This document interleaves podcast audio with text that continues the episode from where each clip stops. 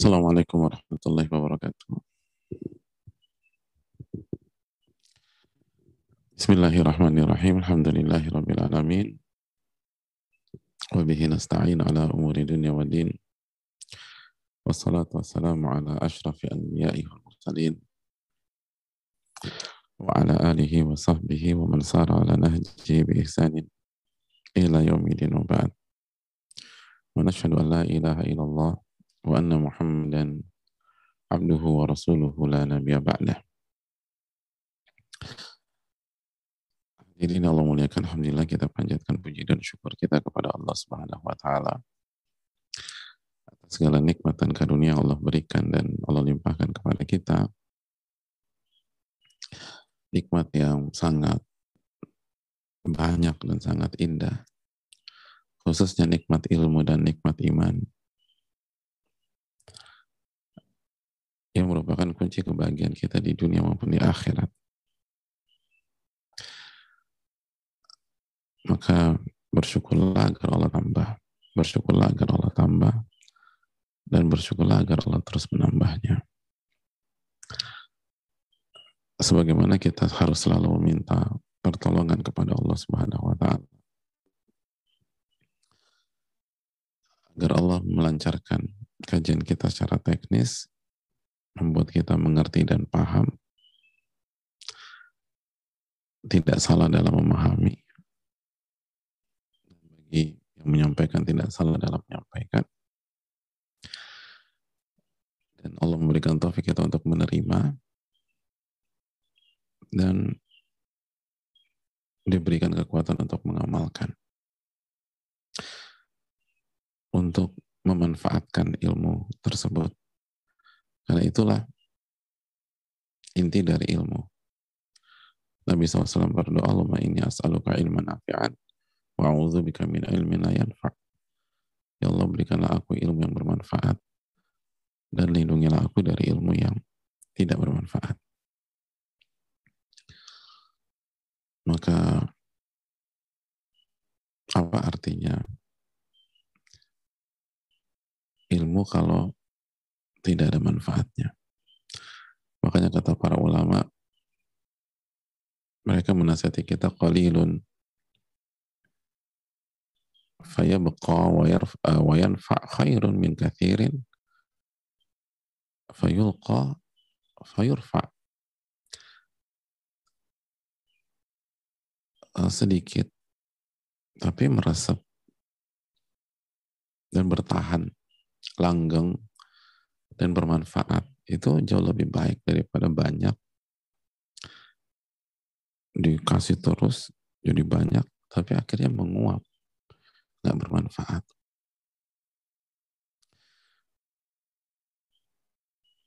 Dan ingat terus keterangan para ulama kita bahwa rasul ilmi khasyah.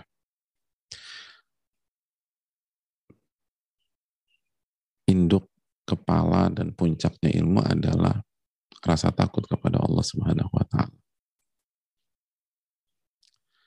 Rasa takut kepada Rabbul Alamin.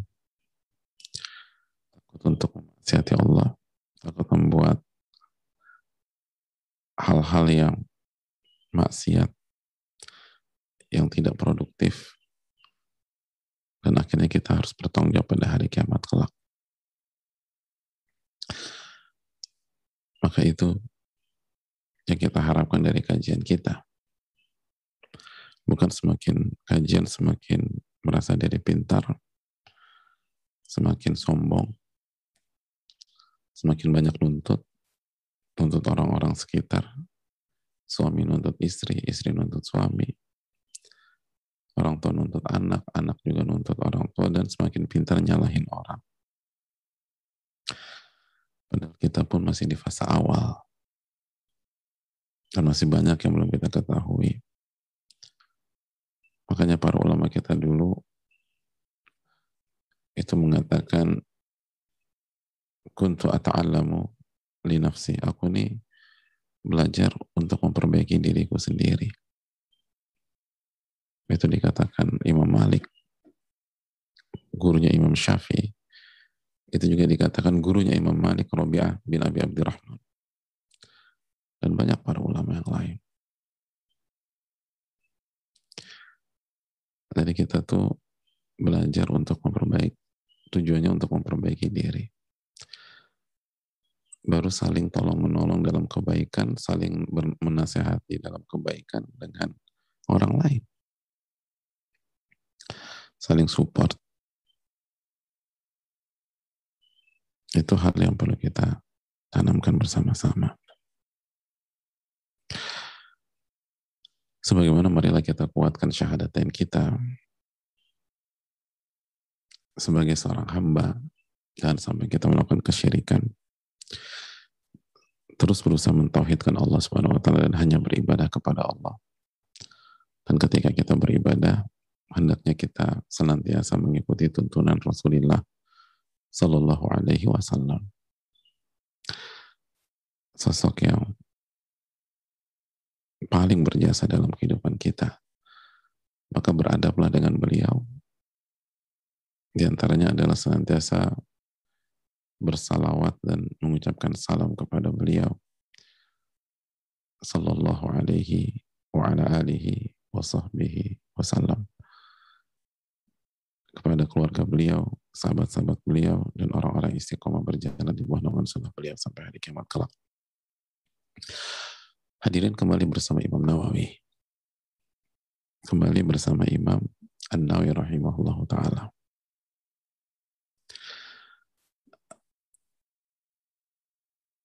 Dalam bab ke-12.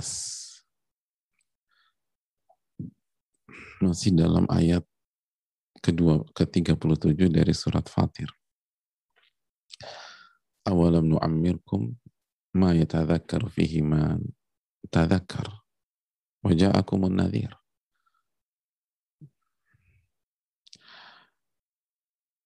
Ketika penghuni neraka itu berteriak dan menjerit, Wahai Rob kami, keluarkan kami sehingga kami bisa mengerjakan amalan yang berbeda dengan yang selama ini kami kerjakan. Kami bisa ganti maksiat kami dengan ketaatan. Kami bisa mengganti tidur kami setelah subuh atau bahkan nggak subuh sama sekali dengan sholat subuh, zikir, kajian, dan lain-lain. Itu penyesalan mereka. Dan apa yang Allah apa yang disampaikan kepada mereka awalam nu'ammirkum ma yatadhakkaru fihi man bukankah kami sudah beri umur yang cukup bagi orang yang ingin mengingat Allah bertafakur kembali kepada Allah untuk menggunakan waktu tersebut sehingga dia bisa menjadi orang yang soleh? Dan sudah datang peringatan. Kita sudah jelaskan kemarin bahwa Allah tidak menyebutkan usia di ayat ini. Oleh karena terjadi perbedaan para ulama. Allah tidak menyebutkan usia, makanya sebagian ulama seperti Al-Imam Muhammad bin Sulaiman mengatakan ini kembali ke person masing-masing. Ketika ada orang meninggal di usia 57 misalnya, ya itu. 57 itu waktu yang cukup untuk dia kembali kepada Allah. Usia 50, usia 50 waktu yang cukup. Di usia 42, 42 waktu yang cukup. Ada yang di usia 35, 35 waktu yang cukup. Karena setiap orang berbeda-beda. Hanya saja hadirin, hanya saja ada usia yang disebutkan secara khusus oleh banyak para ulama. Dan ini pun diangkat oleh Al-Imam Nawawi rahimahullah dalam Riyadus Salihin, dalam kitab kita. Itu usia 40 tahun. Usia 40 tahun. Di samping usia 60 tahun. Dan usia ini akan kita bahas dengan segala keterbatasan kita. Adapun usia 60 tahun, kita akan bahas di hadis pertama, bismillah. Insya Allah. Insya Allah, jika Allah mudahkan. Hari ini kita akan bahas usia 40 tahun. Kan ini waktu atau umur yang diangkat oleh banyak para ulama.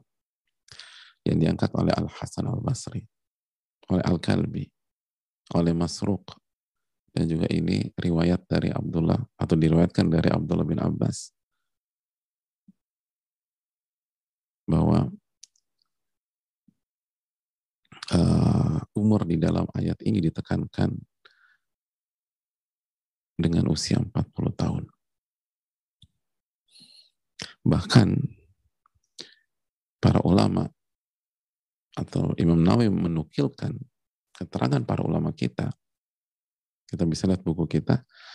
Anna ahlal madinati kanu idza balagu ahaduhum arba'ina sana tafarraga lil ibadah.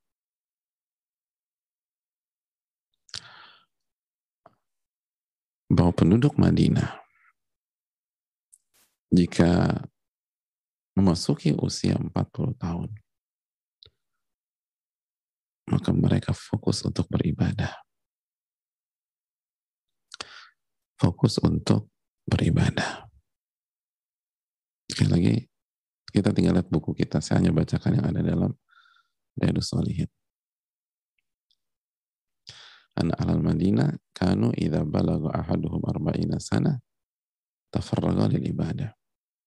Dinukilkan dari banyak ulama bahwa ahli Madinah jika memasuki usia 40 tahun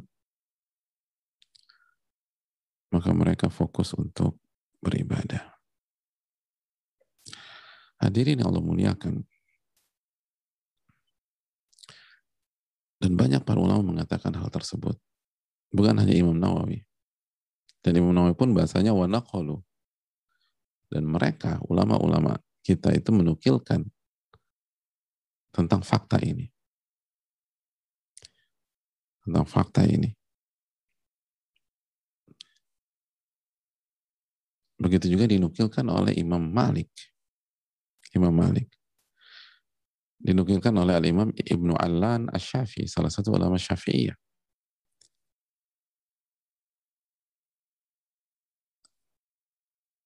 Kita bacakan keterangan Imam Malik, kata Imam Malik begini, teman jamaah. Adraktu ahlal adraktu ahlal ilmi indana. Hum yatlubuna dunya wal ilm. Aku bertemu dengan banyak ahli ilmu aku bertemu dengan banyak ahli ilmu. Mereka itu di samping menuntut ilmu juga mencari dunia. Yatlubuna dunia wal ilm. Mereka di samping belajar untuk itu mereka cari dunia juga. Wa yukhalituna nas. Dan mereka gaul dengan manusia. Pergaulan mereka luas hatta ya'tiya ahaduhum atau hatta ya'tiya li ahadihim arba'una sana. Sampai jadi pola itu mereka jalankan sampai salah satu dari mereka berusia 40 tahun. فَإِذَا atat alaihim i'tazarun nas.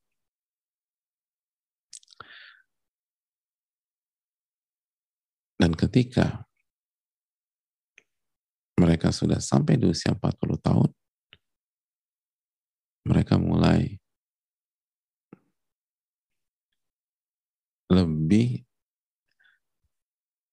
memaksimalkan waktu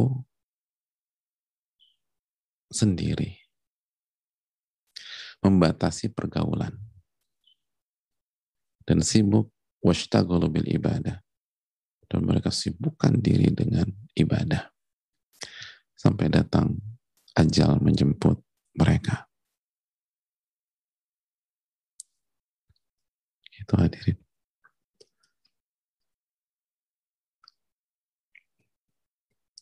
Karena sekali lagi usia 40 tahun itu sangat spesial. Sangat spesial. Dan ini salah satu um, usia yang masuk ke dalam ayat kita ini.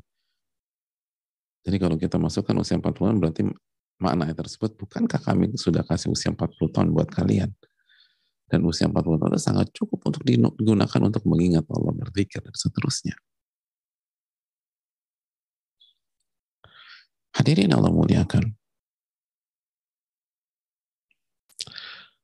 Sekali lagi, kenapa mereka lakukan hal tersebut? Karena para ulama klasik dulu itu benar-benar menekankan usia 40 tahun. dan fokus untuk beribadah di usia itu.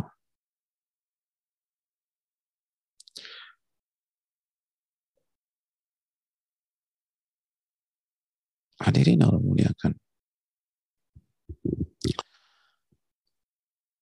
Setidaknya ada dua ayat yang membuat orang-orang beriman itu harus benar-benar memberikan perhatian ke usia 40 tahun. Yang pertama ayat ini. Fatir ayat 30. Fatir ayat 37. Dan ayat yang kedua adalah surat Al-Ahqaf ayat 15. Dan dalam surat Al-Ahqaf 15 benar-benar disebutkan angka 40 tahun.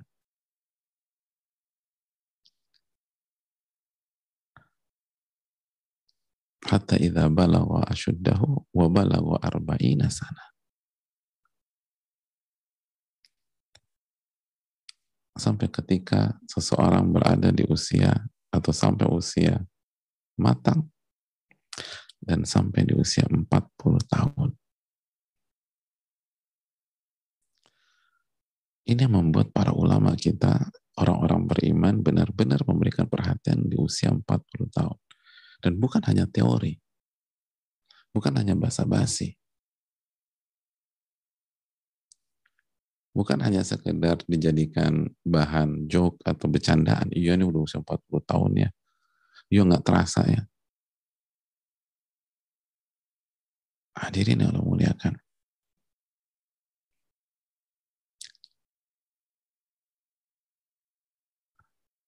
Mereka benar-benar serius menghadapi usia ini.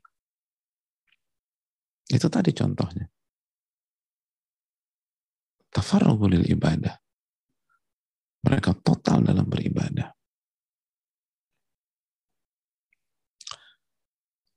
Karena Allah ingatkan dalam surat Fatir 37 dan Al-Ahqaf 15.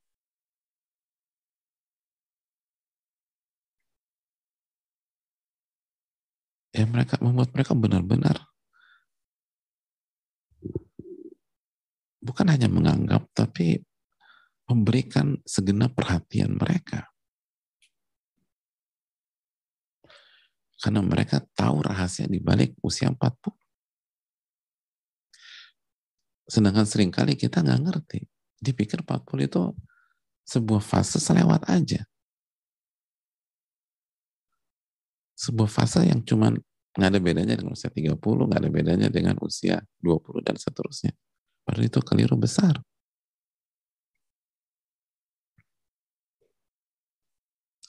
Sangat-sangat keliru.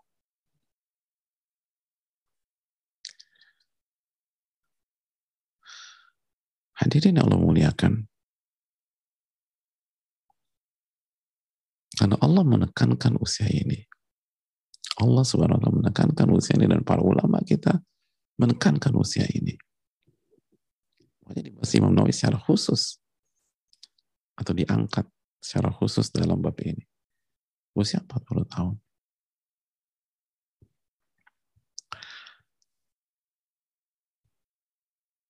Dan membedakan antara kita yang biasa-biasa aja dan mereka yang benar-benar memberikan perhatian tidak lain tidak bukan adalah ilmu. Mereka tahu ilmu tentang rahasia di balik usia 40. Rahasia di balik 40. Hadirin yang Allah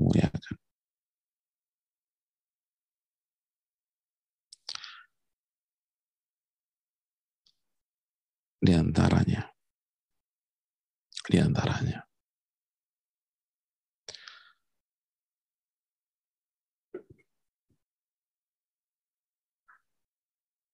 Ulama mengatakan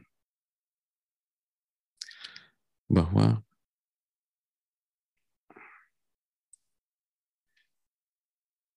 di usia 40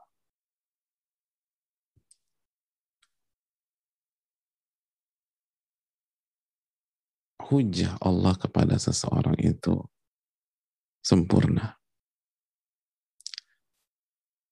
Hujah Allah kepada Allah itu sempurna.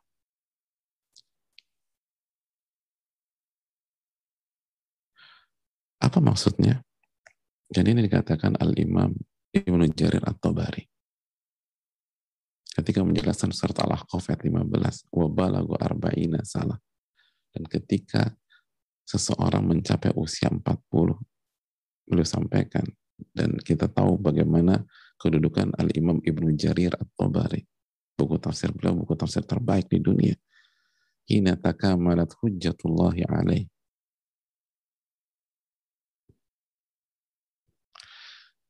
ketika atau di usia tersebut itu ketika seorang hamba atau ketika hujah Allah sempurna terhadap seorang hamba. Itu pun yang dikatakan oleh Umar bin Abdul Aziz. Kata beliau secara mana? Kamulat hujjatullahi ala ibni arba'i. Hujah Allah telah tegak telah sempurna atas orang yang usianya 40 tahun. Apa maksudnya hujah Allah telah tegak dan hujah Allah telah sempurna terhadap orang yang usia 40 tahun? Artinya secara umum orang yang masuk usia 40 tahun itu tidak bisa beralasan di hadapan Allah Subhanahu wa taala ketika nanti ditanya pada hari kiamat. Gak bisa. Gak bisa berkelit. Usai belum belajar. Usai sibuk.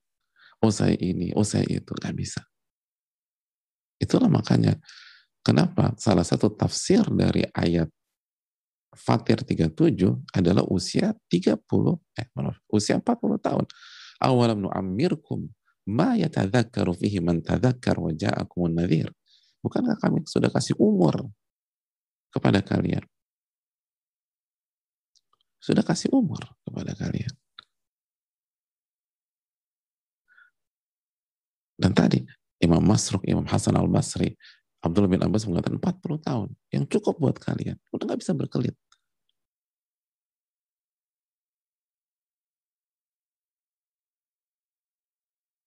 Adapun usia 30, 20 mungkin masih bisa. Ayah saya, ya saya kan belum belajar. Saya belum tahu. Saya belum ini, saya belum itu. Usia 40 tahun enggak ada. Udah cukup. Karena itu tadi, secara ayat-ayat syari. Atau secara uh, secara syariat. Dia sudah punya waktu atau dia punya waktu yang cukup untuk mempelajarinya. Dan secara kauni pengalaman hidup apa yang dialami itu sudah cukup bagi dia kembali kepada Allah. Usia 40 makanya sudah cukup hujah. Udah udah. Baik secara syariat maupun secara kehidupan. Jadi udah komplit. Yang membuat seorang harusnya balik ke Allah. Beda kalau misalnya anak yang baru balik, anak remaja, atau anak muda usia 20 yang masih yang masih sekolah di SMA, udah balik, tapi masih SMP, masih SMA, masih kuliah. Yang uang jajan masih dikasih orang tua. Bahkan difasila, difasilitasi dengan fasilitas yang banyak oleh orang tuanya. Oke, dia balik. Tapi dia belum tahu kehidupan. Dia belum tahu kehidupan. Semuanya masih dimanjakan orang tua, masih dibayarkan orang tua, masih dikirimin orang tua. Dia belum tahu kehidupan real. Itu salah satu salah satu kekurangan. Makanya kan agak sulit mendakwahi anak atau orang-orang atau anak-anak usia segitu. Karena pikir main segala macam. Dunia masih ibarat fantasi, masih segala macam. Yang enak-enak aja Terus belum pernah merasa susahnya cari uang. Belum belum bisa ngerasain sendiri bahwa uang halal itu berkah dan uang haram itu nggak berkah. Belum. Nggak ngerti. Itu juga masih butuh waktu untuk belajar ini, belajar itu. Tapi udah usia 40 tahun dari segi syari, dari segi syariat, dia sudah punya waktu untuk belajar, untuk talabul ilm untuk mengkaji ayat Al-Quran dan hadis Nabi. Dia sudah punya waktu yang cukup untuk belajar Al-Quran. Bisa baca Al-Quran. Punya waktu untuk belajar iman, belajar tauhid. Sudah punya waktu sudah punya waktu yang cukup untuk belajar amalan hati. Sudah, itu dia punya waktu yang cukup. Maka hujah Allah sudah tegak. Dan di segi pengalaman, dia sudah merasakan pahitnya kehidupan. Dia sudah ketika misalnya Allah Subhanahu wa taala Allah Subhanahu wa taala menjelat atau Allah dan Rasulnya menjelaskan tentang bahaya harta haram misalnya. Dia sudah ngerasain tuh. Bahwa harta haram tuh ngerusak keluarga saya. Itu udah cukup. Nggak ada keberkahan. Dan harta yang sedikit, walaupun, dan harta halal walaupun sedikit, itu berkah. Itu waktu 40 tahun udah bisa ngerasain itu. Ketika Allah dan Rasulnya menjelaskan tentang lingkungan dan persahabatan. Bahwa bergaul dengan orang-orang soleh, wanita soleha bagi kita wanita. Itu waktu 40-an tahun, itu udah cukup untuk apa menjalani, udah punya pengalaman. Bahwa kalau bergaul memang harus cari yang soleh dan soleha. Kalau enggak, kita dimakan sama teman kita sendiri, dikhianati sama teman kita sendiri. Ketika Allah Subhanahu wa taala dan Rasulnya SAW menjelaskan tentang konsep rumah tangga, bagaimana bisa sakinah, mawaddah, warahmah, pentingnya nyari pasangan yang soleh atau soleha, pentingnya ibadah, pentingnya ketaatan, ketakwaan dalam membangun rumah tangga. Itu kalau kita bicara sama anak remaja mungkin gak ada gambaran.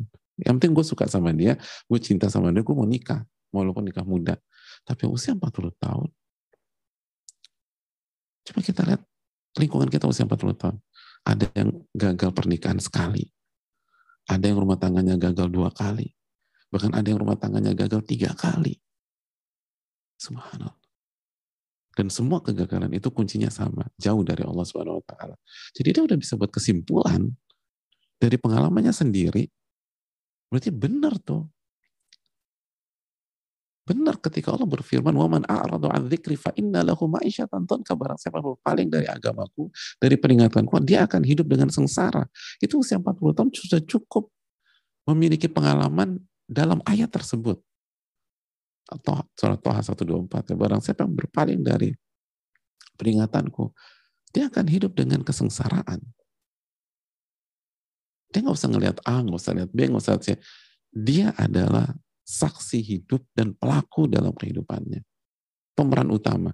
Bahwa begitu kita jauh dari Allah, sengsara hidup kita. Hancur. Begitu rumah tangga kita nggak dibangun di atas ketakwaan. Ketika rumah tangga kita, keluarga kita hanya bermodal cinta di awal. Nggak ada kesolehan, nggak ada ketakwaan. Ternyata cinta bisa pudar. Kalau masih muda kan nggak bisa, apalagi belum punya pengalaman mau nikah, udah ngontot aja. Pokoknya saya mau nikah sama dia. Saya mau berumah tangga sama dia. Tapi dia nggak dinasihatin sama orang tuanya, tapi dia nggak soleh. Nah. Bahkan dia nggak beriman sama Allah SWT. Nggak apa-apa, pokoknya kita bisa. Kita saling menghormati kok. Hubungan kita selama ini sebagai bukti, kita selalu jalan nggak ada kendala kok. Oh dia nggak pernah tahu masalah. Dia masih muda. Dia belum punya pengalaman hidup. Dia nggak ngerti bahwa rumah tangga tuh beda dengan kondisi pacaran. Beda dengan kondisi kampus. Allah mengatakan mithakun itu ini ikatan yang sangat sulit. Kenapa dia begitu? Karena masih muda. Dia belum ngalamin asam garam kehidupan. Ternyata begitu berumah tangga hanya modal cinta, tergerus. Ternyata saya bisa nggak sayang sama dia ya. Ribut terus setiap hari. Jangan pasangan yang dia perjuangkan mati-matian di hadapan orang tuanya sampai dia durhaka sama orang tuanya demi pasangan yang nggak soleh atau nggak soleh ini. Ternyata hanya menjadi lawan debatnya setiap hari. Hanya jadi sparring partnernya, bahkan main tangan, di babak belur, kalau dia istri, udah ngotot banget memperjuangkan calon suaminya pada saat lima tahun yang lalu, atau tiga tahun lalu, bahkan dua tahun yang lalu. Begitu nikah digebukin. Ada kasus seperti itu. Ya banyak. Banyak. Dan kita tahu lah. Tapi adik-adik kita, keponakan kita yang SMP, SMA, banyak yang nggak tahu kecuali papa mamanya demikian. Kecuali ayah ibunya demikian. Itu pun sering kali dia nggak bisa mendapatkan hikmah karena nggak punya ilmu. Akhirnya tambah jauh lagi dari jalan Allah. Itu dari segi rumah tangga, dari segi keluarga. Dari segi harta itu tadi. Ketika kita nggak punya umur yang cukup, belum punya umur yang cukup, kita pikir nggak ada bedanya. 100 juta halal dengan 100 juta haram, kan sama-sama 100 juta. Apa sih bedanya? Tapi orang usia 40 tahun bilang beda. Saya ngalamin sendiri. Gimana berantakannya hidup saya gara-gara 100 juta haram. Dan bagaimana tenangnya hidup saya ketika hanya punya 10 juta halal. Itu umur. Umur tuh nggak bohong. Makanya pengalaman tuh nggak nipu. Makanya di banyak tem di tempat apa di banyak tempat itu calon pegawai yang punya pengalaman lebih diprioritaskan daripada yang nggak punya pengalaman. Dan punya pengalaman dibayar lebih mahal dibanding yang nggak punya pengalaman. Pengalaman nggak pernah bohong. Dalam arti sangat bermanfaat. Nah kalau orang udah usia 40 tahun, itu yang dikatakan Alimah Jarir sudah sempurna hujahnya dari sisi udah komplit dari segi syariat, dari segi dalil, dari segi ayat, dari segi hadith, dari segi ilmu secara teori, dia sudah punya waktu yang cukup untuk mempelajari. Sehingga ketika di hari kiamat dia bilang, saya belum belajar, nggak ada alasan buat Anda. Saya sudah kasih waktu. Berbeda kalau orang meninggal di usia 7 tahun, 8 tahun, apalagi belum balik, atau baru balik kemarin, ya, baru meninggal belum punya ada waktu. Tapi 40 tahun, udah. Kok Anda belum bisa baca Quran? Kok Anda nggak ngerti tauhid? Kok Anda nggak tahu keikhlasan? Udah nggak bisa berkelit lagi. Dan dari segi ilmu kehidupan, sunnatullah kauniyah, dari segi apa namanya sunnatullah kauniyah, dia sudah ngalamin fase itu semua.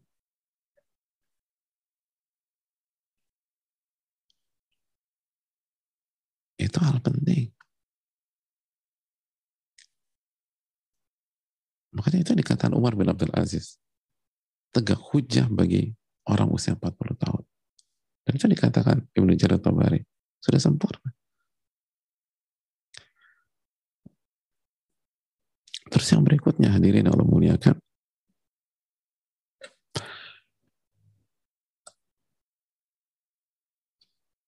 Kenapa usia ini sangat penting karena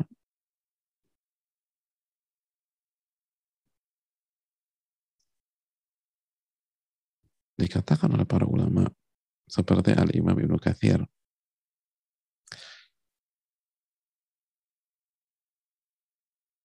bahwa ketika kita masuk usia 40 tahun akal sehat kita matang. Pemahaman dan kebijaksanaan atau mental itu berada di tahap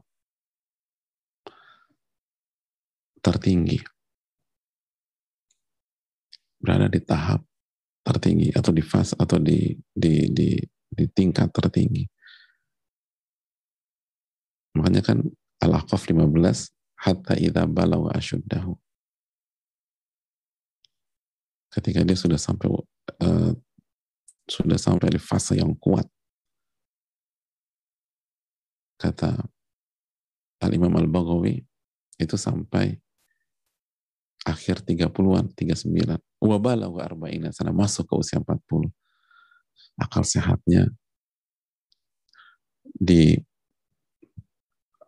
di apa di titik tertinggi pemahamannya di titik tertinggi kebijaksanaan seseorang potensinya sudah keluar semua, berada di titik tertinggi. Jadi ini fase terbaik dalam kehidupan seseorang. Fase terbaik di kehidupan seseorang. Fase yang paling vital karena makanya kan dalam kalau dalam apa uh, sebagian orang mengatakan ini fase pivotal, jadi yang sangat vital dalam kehidupan seseorang. Karena dia punya perangkat yang yang paling bagus itu usia 40 tahun. Ini fase keemasan bagi seseorang. Fase puncak. Makanya kan sampai ada istilah life began at 40 kan. Kehidupan tuh dimulai di usia 40 tahun. Jadi banyak orang tahu, termasuk yang nggak belajar agama ngerti itu. 40 tahun tuh masa yang sangat luar biasa. Makanya banyak para nabi itu diutus di usia 40 tahun. Dan di antara nabi yang diutus 40 tahun siapa? Rasul kita sallallahu alaihi wasallam. Jadi kisah heroik perjalanan kenabian dan kerasulan Rasulullah SAW itu dimulai di usia 40 tahun. Masa puncak puncaknya sebagai seorang manusia, sebagai seorang hamba, usia 40 tahun. Dan itu aneh. Kenapa Allah SWT utus Nabi SAW di usia 40 tahun? Karena paling matang itu di situ akal sehat paling bagus tuh di sana. Terus ditambah pengalaman hidup itu sudah sudah cukup. Walaupun masih kalah dengan yang 50 atau 60 tahun, tapi udah punya bekal untuk menghadapi fase yang paling bagus dalam kehidupan seseorang.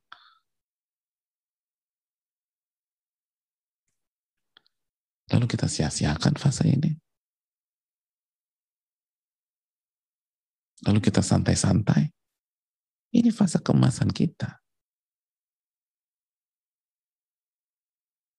Jadi bayang kalau fase kalau fase maksimal kita diisi dengan maksiat ya berarti gimana fase yang lain gitu aja. Ini fase kemasan seseorang.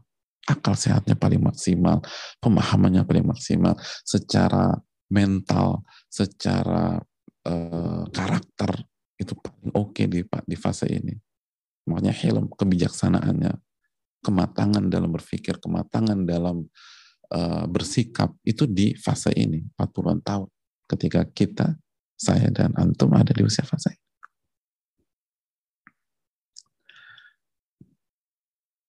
Lalu ketika, ketika ada orang menyanyiakan fase ini, maksiat di fase ini, malas-malesan di fase ini, nggak berjuang di fase ini, ya terus mau jadi apa dia? Kalau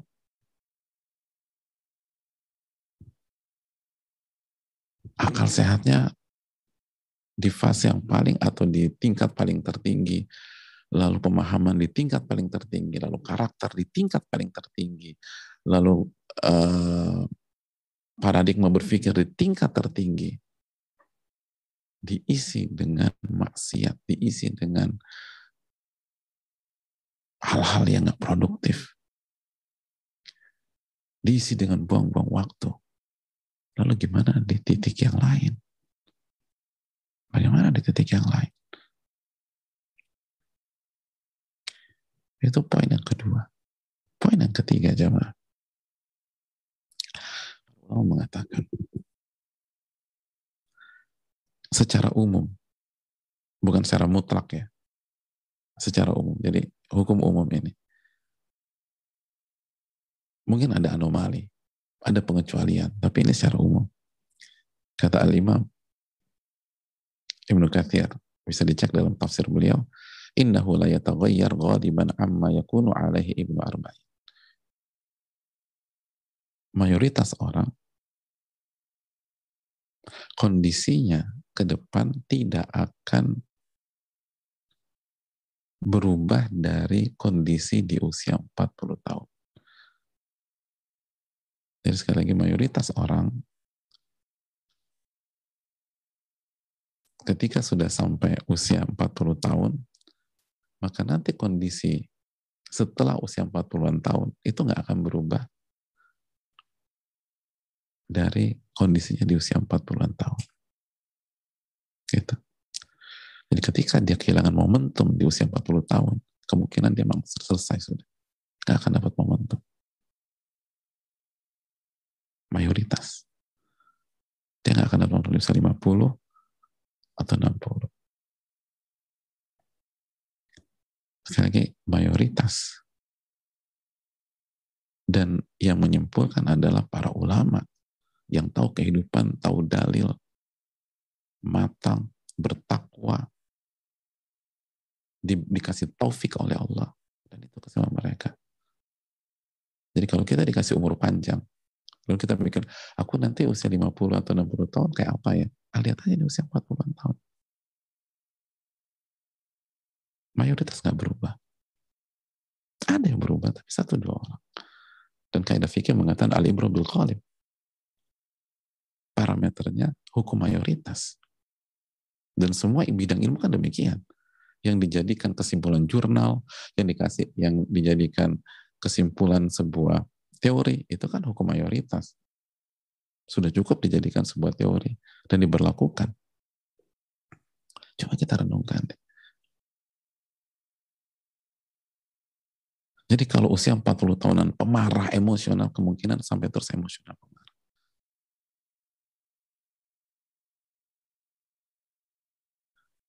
Kalau usia 40-an tahun itu suudon dan seterusnya kemungkinan seterusnya demikian. Usia 40 tahun tetap nggak jaga lisan, ngomongin A, ngomongin B, segala macam. Kemungkinan 56 tahun terus demikian. 40-an tahun nggak sholat kemungkinan 50-60 tahun ya sampai usia 40 50 tahun nggak berhijab, kemungkinan terus nggak berhijab.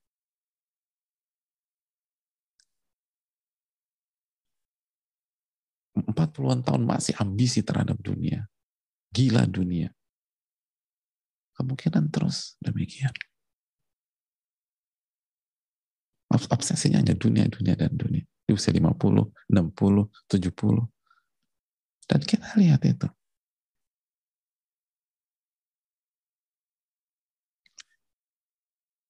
Di usia 40 tahun masih cari popularitas dan itu jadi parameter.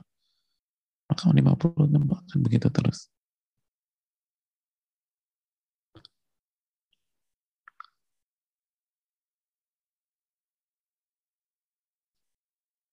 Ini harus kita renungkan hadirin. La ya taghayyar ghaliban amma yakunu alaihi ibn arba'in.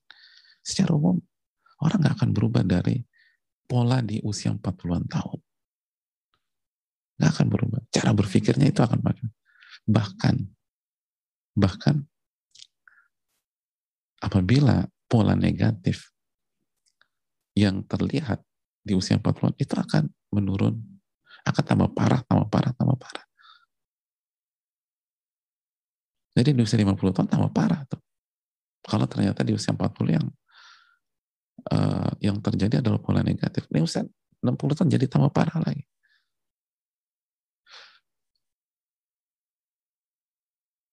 Jadi hadirin Allah muliakan. Hati-hati. Itu alasan kenapa Roma benar-benar ngejaga di fase ini. Karena mereka tahu fakta itu.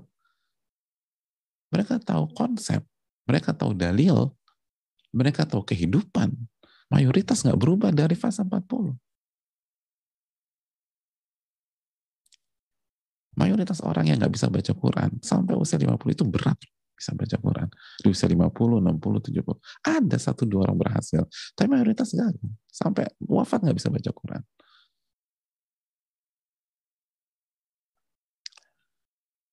Jika usia 40 nggak mau belajar agama, nggak mau ngaji, itu susah loh. Di usia 50, 60 tahun, kemungkinan besarnya nggak punya waktu terus untuk belajar dan kajian. Tapi lihat nih. Dan dan pada saat kita kajian offline misalnya di Sabtu malam dan lain-lain. Lihat. Ketika misalnya seseorang sudah terlatih menulis kajian dari usia 40 tahun, itu ketika usia 50 tahun, 60 tahun, 70 tahun nyatet. Perlu tua nyatet. Karena udah kebiasaan. Pola itu yang dibawa. Pola itu yang dibawa. ini bukan tentang sebatas umur. Tapi ini tentang pola yang kemudian besar akan kita bawa terus dan akan melekat dalam diri kita sampai kita wafat nanti. Jika kita dikasih usia panjang. Dan semoga Allah, kalau usia 40 tahun baik, semoga Allah jaga kita sehingga kita tidak mendapatkan masa tua yang buruk.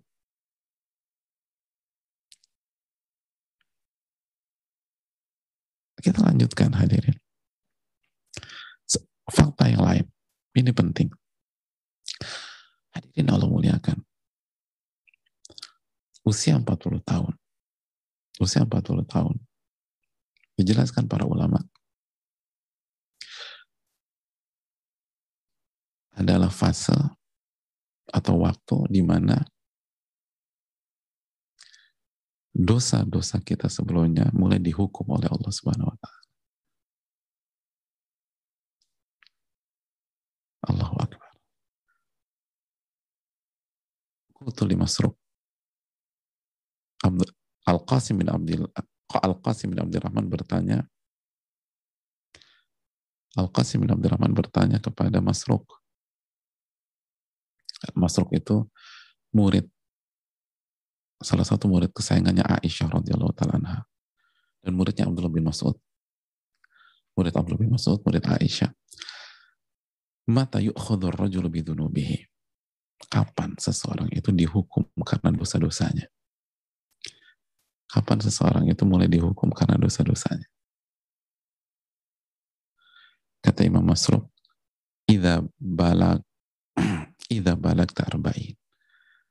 Jika kamu masuk ke usia 40-an tahun, fakhud hidrak. Waspadalah, waspadalah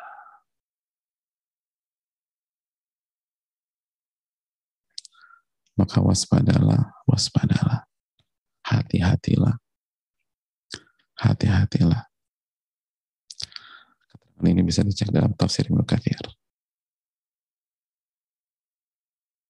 Hati-hati. Subhanallah.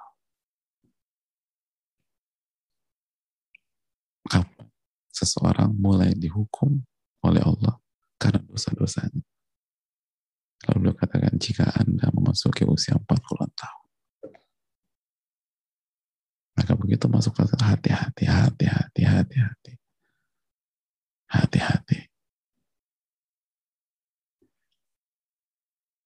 Subhanallah. Dan ini lagi-lagi hukum umum, bukan hukum mutlak, hukum umum. Dan itu yang kita sering lihat.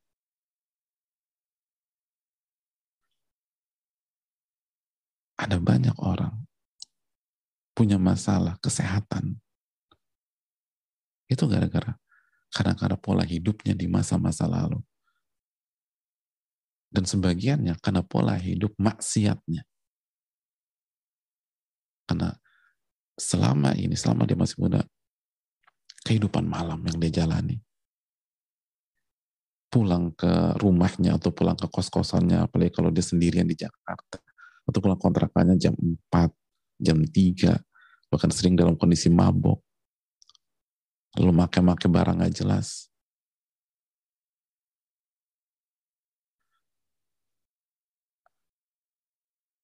Itu sering balik kenanya kapan? Usia 40. Kena tuh. Sakit inilah, sakit itu. Lalu ketika ke dokter, apa kata dokter? Ini mohon maaf Pak, pola hidup Bapak di masa muda Nah, pola hidup kita maksiat, eh, kesolehan, maksiat sering kali. Ya, kena tuh.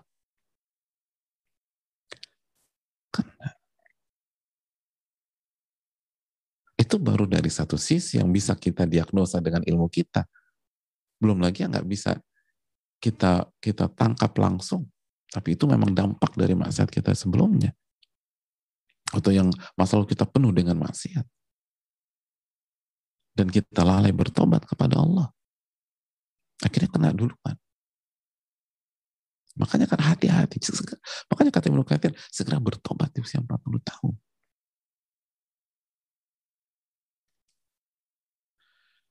Sehingga bertobat sebelum hukuman itu terjadi. Sehingga Allah maafkan.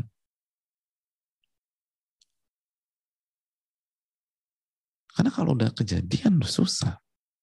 Dan kondisi akan semakin berat lagi. Ini dalam loh. Dan yang mengatakan Al-Imam Masruk. Dan bukan Ibnu Kathir. Makanya nggak heran tadi kata apa namanya kata Imam Malik dahulu para ulama ulama-ulama kita tuh sebelum itu mencari ilmu dan mencari dunia. Dan itu pun halal kan? Bukan maksiat mereka cari. Dan itu jelas proporsional ulama. Tapi begitu masuk 40 tahun udah deh. Udah fokus fokus fokus. Hati-hati hati-hati hati-hati. Makanya Ibrahim An-Nakhai mengatakan kalau masuk usia 40 tahun ikhtasid binafsik tolong jaga baik-baik diri anda jaga baik-baik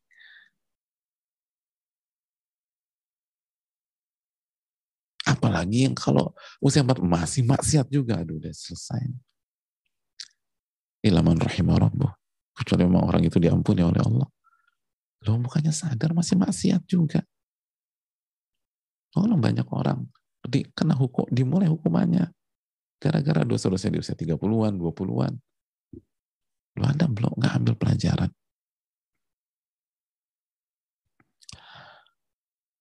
Hadirin Allah muliakan.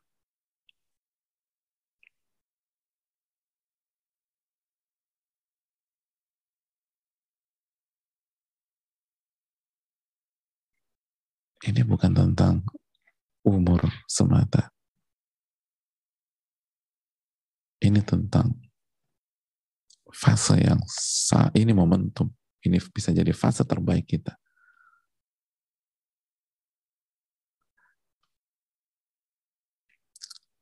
Dan ini pola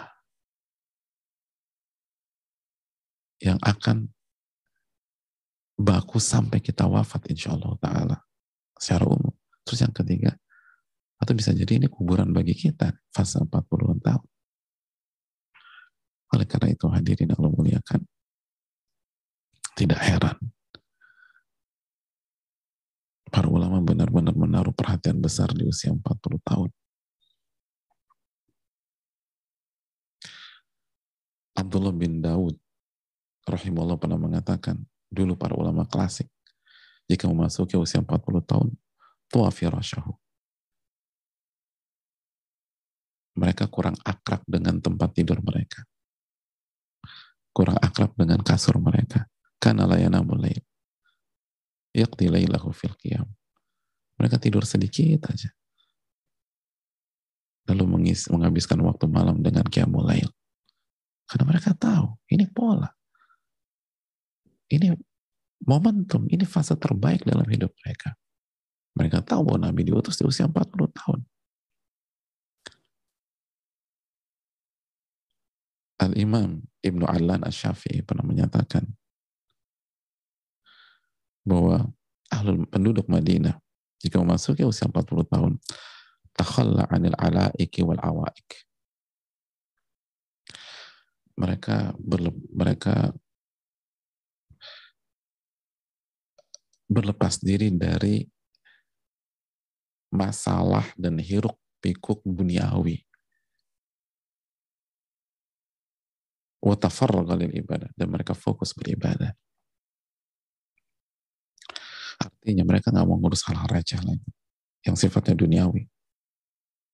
Yang kalau misalnya usia 30, 20 tahun masih dikejar, oh nggak bisa begini dong. Ini kan hak. Atau enggak, enggak saya mau ini. Udah malam dari terserah deh, terserah. Yang penting saya mau ibadah. Yang penting saya mau ibadah.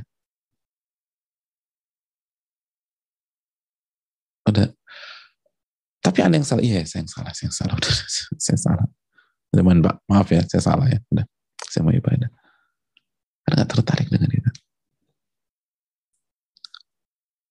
Ini ada barang bagus segala macam. Kalau kalau lo nggak ambil nanti diambil orang, udah orang lain aja ngambil.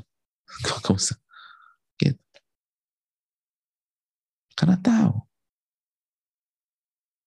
apa nggak ngerti yang apa yang disampaikan oleh ulama kita seperti Imam Masruk. Ini dia fase hukuman bisa jadi di awalnya di fase ini.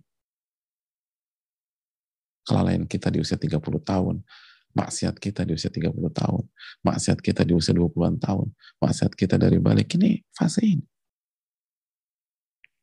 Dan sebaliknya kalau kita benar-benar bertobat dan kita benar-benar mati-matian, ini adalah puncak pencapaian kita sebagai seorang hamba dan akan terjaga terus insya Allah sampai akhir hayat kita. Mau pilih mana kita? Makanya jamaah sekalian, ini fase ibadah. Ini fase ibadah. Udah kurangi urusan dunia kita. Urus, kurangi urusan dunia kita. Sibuk beribadah kepada Allah. Sibuk baca Al-Quran. Yang belum bisa baca Quran, belajar baca Quran. Sibuk menuntut ilmu, lalu amalkan. Sibuk berbuat baik. Dan ibadah yang dimaksud bukan keluar, bukan bukan meninggalkan dunia dan jangan salah paham. Karena ibadah kata para ismun jami'un lima yuhibbullah wa yardah. Ibadah adalah sebuah kata universal untuk semua hal yang dicintai dan diridhai oleh Allah. Jadi bukan berarti main resign aja, terus anak, istri, nggak ada nafkah, terus kita tanya, kita tawakal, kita ibadah. Ini para ulama klasik kita, iya bukan begitu. Memberikan nafkah kepada istri itu amal soleh. Memberikan nafkah kepada anak-anak amal soleh. Jadi bisa jadi tetap kita kita tetap beraktivitas pada inti kita tetap nyari nafkah, tapi niat kita apa? Kalau dulu masih dunia, ambisi segala macam, sekarang jadikanlah sebagai sarana menuju akhirat. Obsesi kita harus ke akhirat. Walaupun mungkin aktivitas kita tidak jauh beda di usia 40. Tapi begitu niat dialihkan dan diluruskan ke akhirat. Dan kita gunakan sarana sebagai mendapatkan akhirat. Lalu ketika kita dapat dapat rizki dan dapat penghasilan kita gunakan untuk ke jalan-jalan kebaikan, itu luar biasa. Fokuslah di usia 40-an tahun. Yang perlu kita ingat juga jemaah sekalian, bahwa usia 40 tahun yang dimaksud adalah usia 40 tahun hijriyah. Bukan masehi. Banyak orang berpikir masehi. Ya aku ini udah usia 40 tahun. Mas, kamu udah masuk sepuluhan dari kema dari dari kemarin bukan dari sekarang. Karena hijriyah itu hijriyah bulannya lebih singkat daripada masehi. Maka lebih cepat. Jadi ketika kita sekarang misalnya uh, berusia 39 tahun itu hakikatnya kita sudah masuk usia 40 tahun. Karena secara umum teorinya, perbedaan antara Masehi dan Hijriyah adalah satu tahun per 30 tahun. Jadi perbedaan antara Masehi dan Hijriyah satu tahun per 30 tahun. Jadi kita-kita yang 39, kita udah masuk 40. Kita-kita yang 40, baru mikir, Anda terlambat. Anda terlambat satu tahun mikirnya. Anda udah masuk 41 bukan 40, 41. Coba renungkan. Gak ada waktu lagi. Perbanyak ibadah. Dan tinggalkan hal-hal yang tidak terlalu berguna. Jangan terlalu banyak grup misalnya. Pilih grup yang penting, jamaah. Ini semua ada grupnya. Habis waktu kita, subhanallah. Hati-hati dengan sosial media. Gunakan seperlu kita aja. Gunakan untuk bisnis kita, gunakan untuk pencarian kita, tapi udah selesai. Nah, waktu gunakan untuk amal soleh, untuk sholat, untuk baca Quran, untuk belajar. Hati-hati, jangan sampai waktu habis hanya gara-gara itu. Terus hobi kita kurangi. Kita suka ke mana-mana, terus ngumpul segala macam. Kurangi hadirin. Ini usia 40 tahun. Dan sampai itu jadi pola yang dibakukan oleh Allah, lalu kita nggak bisa berubah lagi. Jadi kan usia 40 tahun adalah momen terbaik kita. Fase ke kemasan kita. Titik puncak kita. Klimaks kita. Pencapaian kita. Lihat Nabi kita SAW. Usia 40 tahun. Sampai akhir hayat beliau. Itu isinya amal soleh. Isinya ketaatan. Isinya perjuangan. 40 sampai 63 tahun. Isinya semua amal soleh, ibadah, ketaatan, perjuangan pengorbanan. Subhanallah. Ini usia yang sangat menentukan. Makanya kan ada doa khusus. Ya mungkin bisa kita bahas nanti. Ada doa khusus ketika kita masuk 40 tahun. Di dalam surat Al-Aqaf tersebut.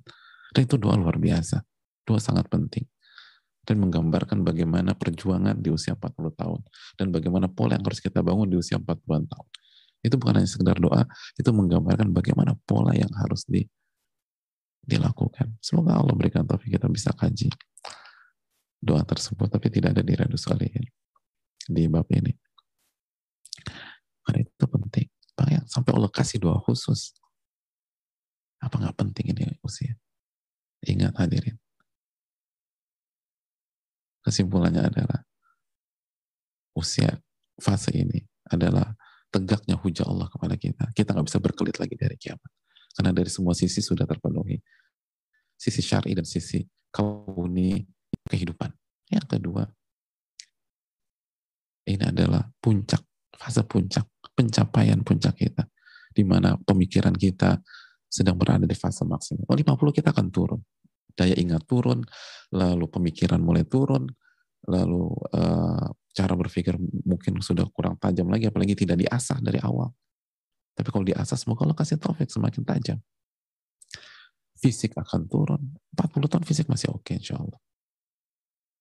Dan mulai harus jaga-jaga. Itu yang perlu kita camkan.